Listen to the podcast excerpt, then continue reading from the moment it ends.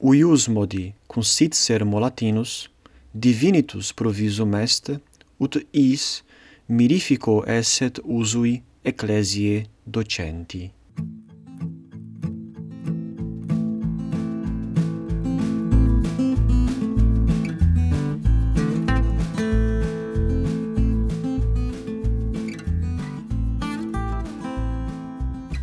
Carissimi amici literarum Christianarum, salvete! benevaletis, ego satis bene valio, rursus revenimus, hoc est primum acroama, uius anni bis millesimi alterius et vicesimi, ita carissimi, tempus fugit, tempus celeriter fugit, et sic est vita nostra nomne, sic ut palea, quae uh, eh, portata est vento nomne, ergo debemus, non debemus queri et lamentare, tempora amissa, sed oportet res abinc ex hoc nunc disponere, melius disponere, utquam optime tempus nostrum tereamus, teramus.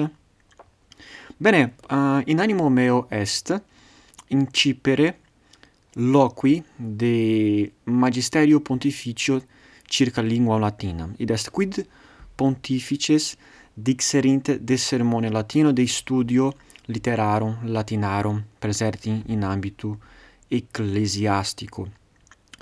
Ah, difficultas aliqua est nam possumus invenire quedam documenta pontificia in sede retiali uh, Vaticani nomne sed uh, documenta quae sunt illic quae sunt disposita et uh, quae sunt uh, disposita omnibus nobis Sunt documenta quae incipiunt a pontifice Nisifalor Leone XIII, itaque non multa documenta habemus, ac de causa non de omnibus documentis pontificibus circa lingam latina loquar, sed tantum modo de iis cuius eh, exemplaria habemus illic in sede retiali nomne, qui non, non habeo accessum ad archivum Vaticanum, ut possem explorare omnia documenta pontificia. Ac de causa dicamus uh,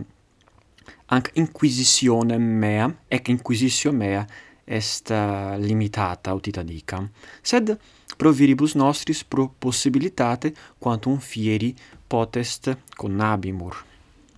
Bene incipiam a pontifice Pio undecimo qui scripsit, qui primum locutus est, eh, dicamus, modo officiali de literis latinis in eh, uh, literis apostolicis, quas scripsit et misit ad cardinalem, cuius officium erat curare seminaria et studia ecclesiastica sive in seminarii sive in universitatibus.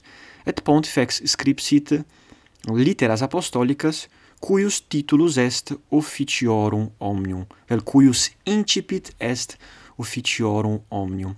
Hic uh, hoc nomen incipit non significat hic eh, ipsum verbum incipere, sed uh, potius indicat uh, prima verba cuiusdam documenti pontifici, quia documenta pontificia habent duo tre duo triave verba quibus incipiunt et nomina documenti a enunciantur is verbis is primis verbis. Ac de causa cum dico incipit uh, refero ad illa duo vel tri vel tria verba quibus documentum pontificium incipit.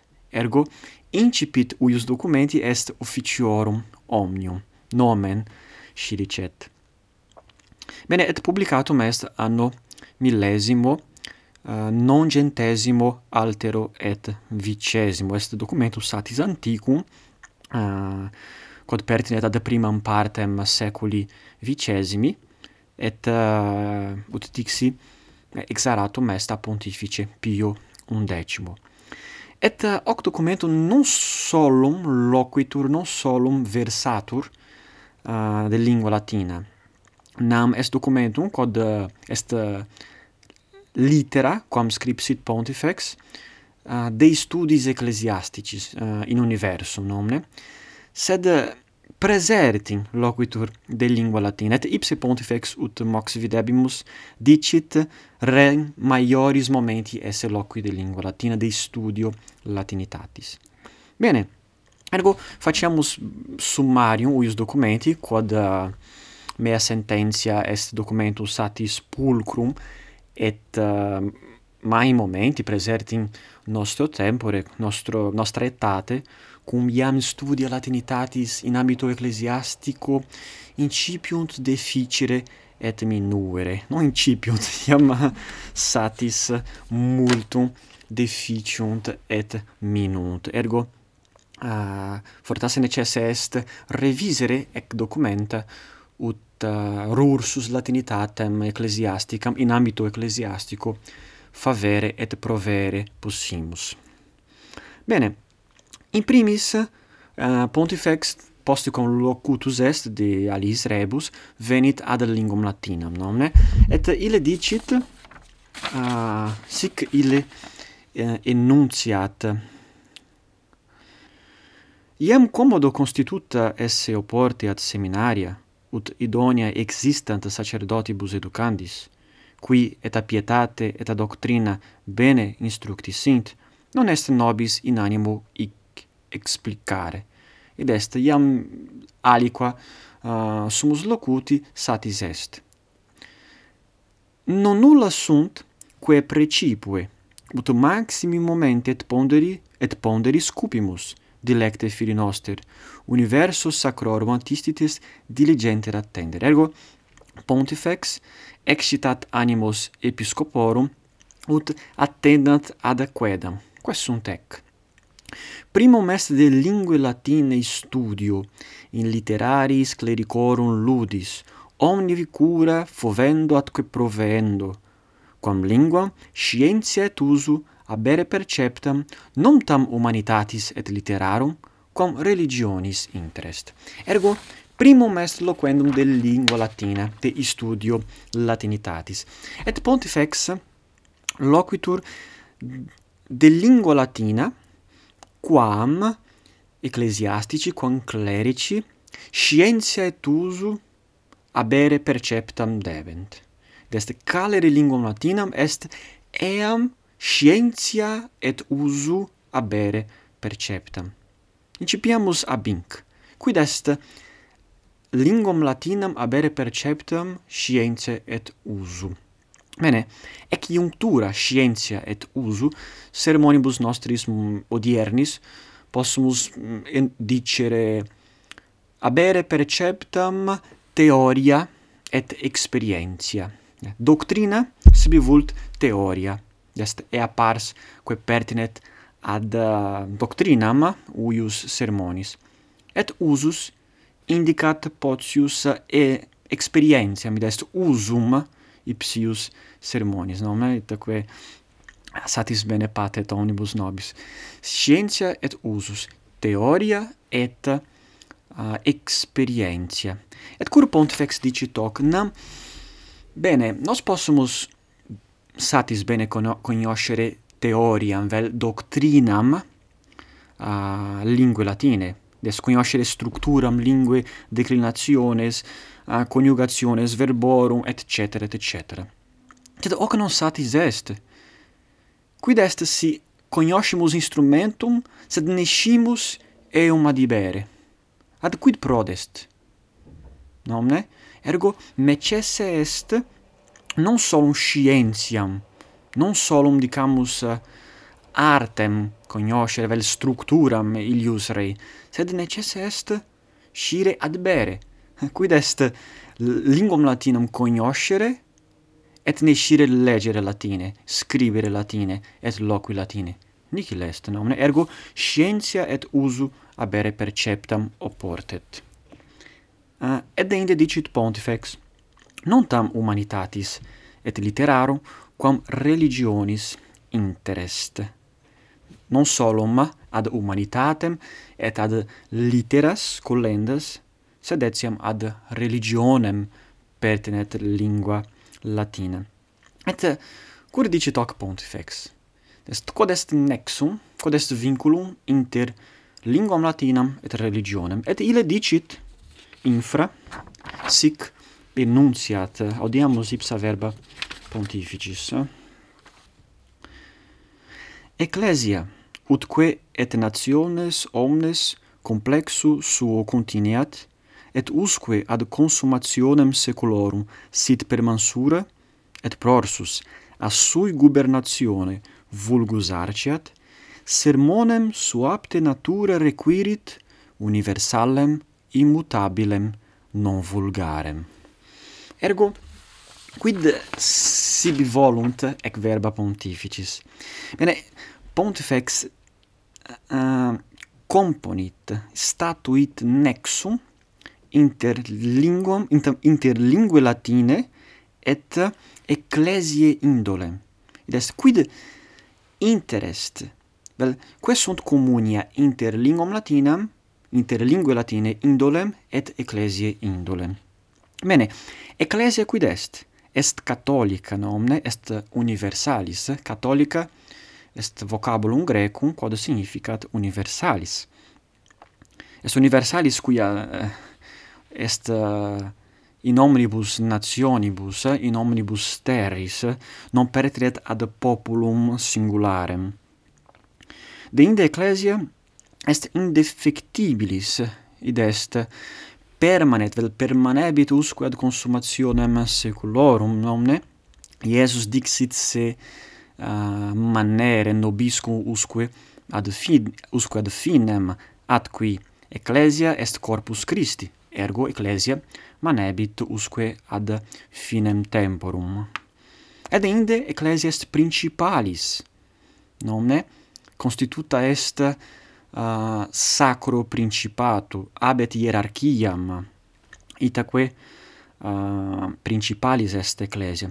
Ergo ex sunt dicamus tres note quas pontifex enunciat de ecclesia. Et inde dicit bene ec ecclesia quae natura sic est requirit sibi rogat sibi uh, linguam quae abeat as notas.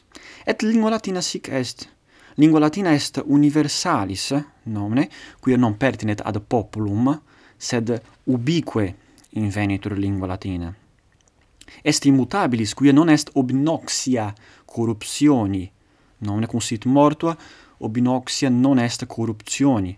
Bene, cum condicum mortuam, bene queso intellegatis, bene intellegatis, nolo inimicitiam suscitare, scio qui busdam vel multis a ecjunctura lingua latina mortua eh, est non placere. Sed non dico lingua latina messe mortuam ita ut nemo a latine loqui possit. Dico esse mortuam eo sensu ut uh, eo sensu quo lingua latina non est uh, corruptibilis.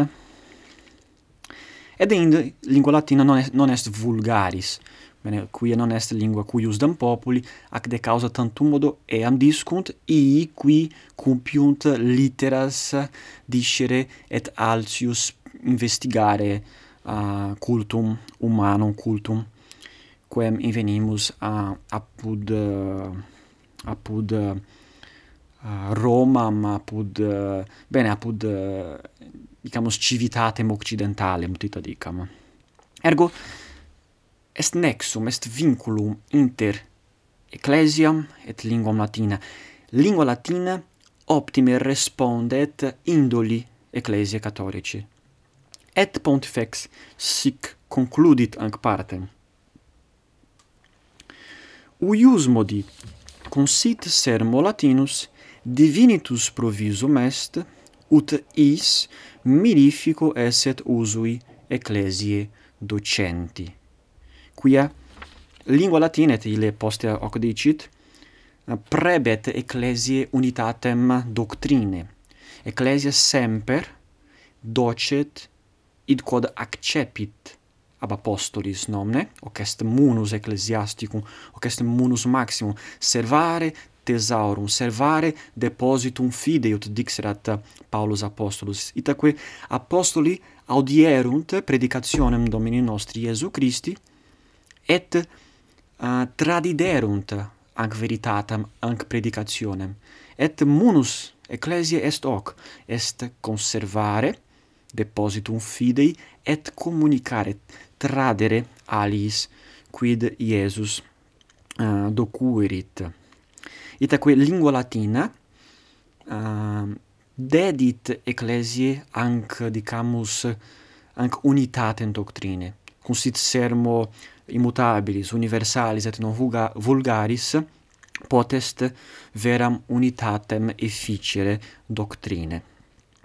Bene, hoc dicto, um, nunc transiamus ad alium, ad aliam paragraphum, uius, uh, uius epistole, quo paragrafo, qua paragrafo pontifex emolumenta uh, literarum latinarum et monumenta linguae latine uh, prebet omnibus Christi fidelibus. Et primum emolumentum est hoc quod modo uh, indicavi est prebere unitatem doctrine. Secundum emolumentum est ministrare Christi fidelibus doctoribus ex omni genere venientibus vinculum unitatis quia facile intersesse sensa mentis et consilia conferre possunt. Ergo doctores eh, uh, Christiani possunt intersesse commercium abere, quia possunt sensa mentis et consilia sua sine difficultate aperire. Ergo, si habemus linguam communem, habemus dicamus genus dicendi commune ita ut possimus servare quandam unitatem et sic bene alter alterum intellegere et inde uh, loquendi genus laudandum linguam latina uh, dicit pontifex abere loquendi genus laudandum, quia hoc genus est pressum locuples numerosum maiestatis plenum et dignitatis. Ergo est uh, genus uh, loquendi pressum compactum, quia nos possumus uh, paucis verbis latinis multa dicere, nomine? Satis est legere quasdam sententias Tertulliani, ut videamus hoc, nomine? Multa paucis verbis dicit. Est sermo, est genus locuples, dest dives, est numerosus, des continuus, eh? abet ritimum, eh? ritimum continum et pulcrium, et est maiestatis plenum et dignitatis. Bene, is dictis eh, uh, partem postremam nunc videmus, in qua pontifex dicit de causis cur, sacerdos cur, clerici debeant lingam latinam discere. Methile in primis dicit uh, debent discere lingam latinam quia discipline maiores in seminaris et in universitatibus catholicis tradende sunt latine. Ergo, bene, nunc odie hoc uh, non fit, sed tempore pontificis Pium decimi, uh, et philosophiae et theologiae studia erant uh, erat latine erant latine ergo uh, omnes debebant la lingua latina conoscere ut frequet, frequentare possent uh, cursum philosophiae et theologiae sive in seminariis sive in universitatibus. Ergo lingua latina est erat lingua magisteri ordinario tita dicamus. Ergo erat vere necesse lingua latinam satis bene calere, sive ad discendum, sive ad docendum. Deinde quia uh, sic possumus per legere patrum doctorumque ecclesiae copiosa volumina nomne et eh, hic certe pontifex loquitur de do, de pat de patribus eh, ecclesiae occidentalibus qui latine scripserunt nomne non de patribus orientalibus. Et de doctoribus nomne quia uh, sive patres ecclesiae sive doctores maxim, maxima eorum pars scripsit latine nomne i qui fluerunt uh, in occidente, in ac parte terre ad occidentem uh, vergente. Ergo lingua latina est instrumentum ad legendum ad legendos os auctores. Et tandem si aliquis linguam latinam nescit, vel non bene cognoscit, quid facit petet doctrinam a, recent, a recensioribus auctoribus, in quibus desiderantur perspicuum dicendi genus et accurata disserendi ratio. Bene, sì, nescio lingum latina non possum leggere doctores et patres et optimos scriptores. Itaque petam exempli gratia auctores modernus.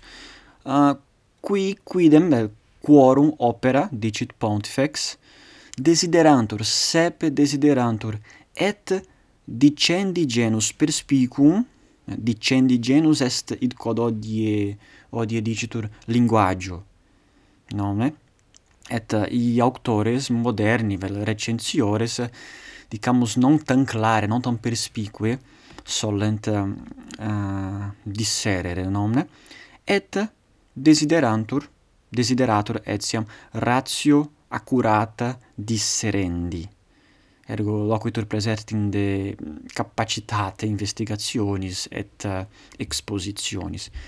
Itaque pontifex hic aliquantulum uh, eh, inveitur in auctores modernos, in auctores ecclesiasticos uh, recensiores, eh? eh nomne. Uh, ut uh, finem faciam velim legere ipsa verba pontificis, quia bene ego plus minuse aptavi verba, ut facilius fiat intellectus sed nunc legam totam sententiam ut possitis uh, ut possitis experiri quam pulcre hoc documentum uh, scriptum sit. Ergo legam anc, uh, anc sententiam quae atinet ad uh, causas cur clerici debiant linguam latinam lingue latine incumbere. Bene. Sic dicit pontifex ipsa verba eius. Ita iam non continget quod sepius dolemus fieri ut nostri clerici sacerdotesque cum aud satis opere literarum latinarum studio dederint neglectis patrum doctorumque ecclesiae copiosis voluminibus quibus fidei dogmata exhibentur, cum diluci de proposita, tum invicte defensa, idoniam sibi doctrine copiam a recentioribus petant auctoribus, in quibus fere non modum perspicum dicendi genus, et accurata disserendi ratio solet, sed fidelis etiam dogmatum interpretatio desiderari.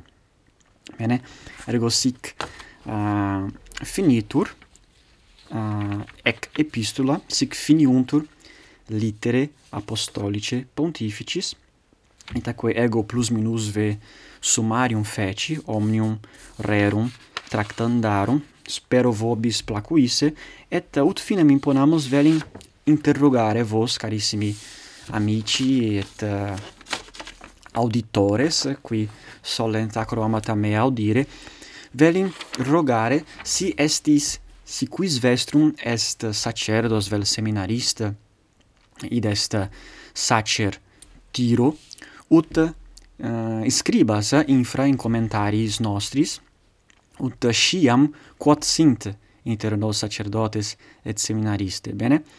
Et uh, bene vobis ex opto ut uh, optime ut bene ut uh, aprime operandetis lingue latine ut possimus obtinere id quod pontifex nobis omnibus uh, cupit. Ergo ut uh, simus apti ad uh, auctores uh, legendos ut simus apti ad copiam uh, doctrine assequendam. Bene? Gratias vobis ago, carissimi amici, et spero vobiscum brevi rursus convenire. Valete.